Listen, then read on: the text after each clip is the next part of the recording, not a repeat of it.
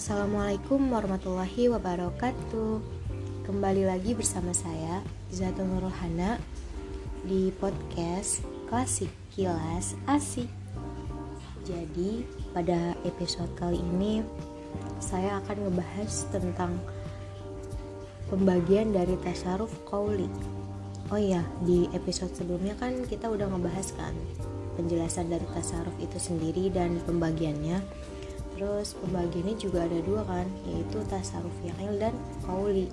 Nah, pada episode kali ini saya akan ngebahas nih pembagian dari si tasaruf kauli itu sendiri. Apa aja sih?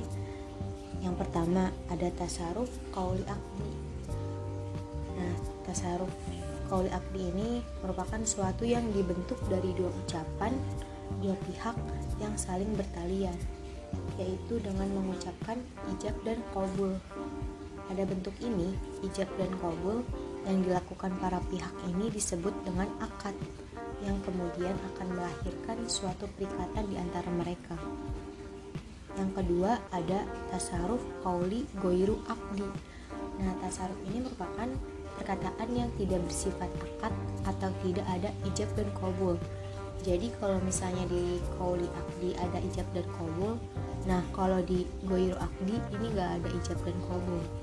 Perkataan ini ada yang berupa pernyataan dan ada yang berupa perwujudan.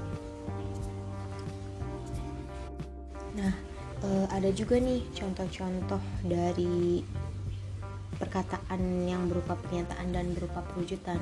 Tapi e, saya nggak akan ngebahas di episode kali ini. Saya bakalan ngebahas di episode selanjutnya. So, pantengin terus ya podcast-podcast klasik selanjutnya. Kalau kalian suka jangan lupa share. Karena ini bermanfaat banget buat kalian. Dadah. Semoga bermanfaat